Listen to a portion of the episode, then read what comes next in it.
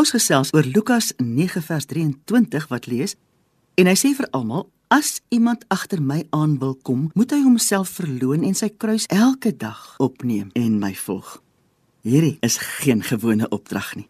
Om elke dag hierdie kruis op te neem. Paulus het dit reg gekry.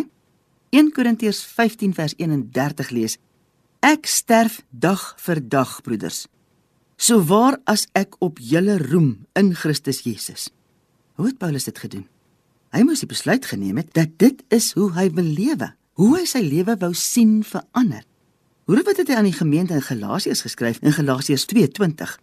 Ek is met Christus gekruisig en ek leef nie meer nie, maar Christus leef in my. En wat ek nou in die vlees lewe, leef ek deur die geloof in die seun van God wat my liefgehad het en homself vir my oorgegee het.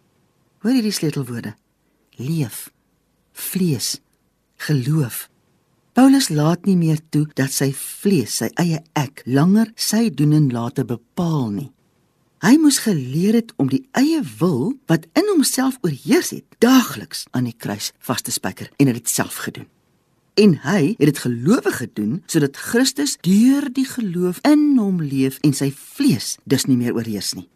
En vir watter rede sou Paulus dit so graag wou gedoen het? Hy sê: "Wat ek nou in die vlees lewe, leef ek deur die geloof in die seun van God wat my liefgehad het en homself vir my oorgegee het. Dit was Christus se liefde wat Paulus gedring het. 1 Johannes 4:9 Hierin is die liefde van God tot ons geopenbaar dat God sy enige gebore seun in die wêreld gestuur het sodat ons deur hom kan lewe. Hierin is die liefde van God tot ons geopenbaar dat God sy enige gebore seun in die wêreld gestuur het sodat ons deur hom kan lewe.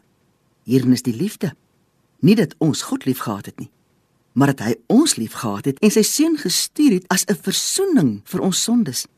As God ons so liefgehad het, behoort ons ook mekaar lief te hê. Here Jesus Christus, vergewe my dat ek nie moeite maak om regtig te verstaan hoe lief U my het nie. Mag ek asseblief u liefde verstaan sodat u liefde my sal dring om daagliks hierdie kruis in geloof op te neem. Die geloof dat ek minder word en u meer. U in my, deur my. Ek loof u naam. Amen.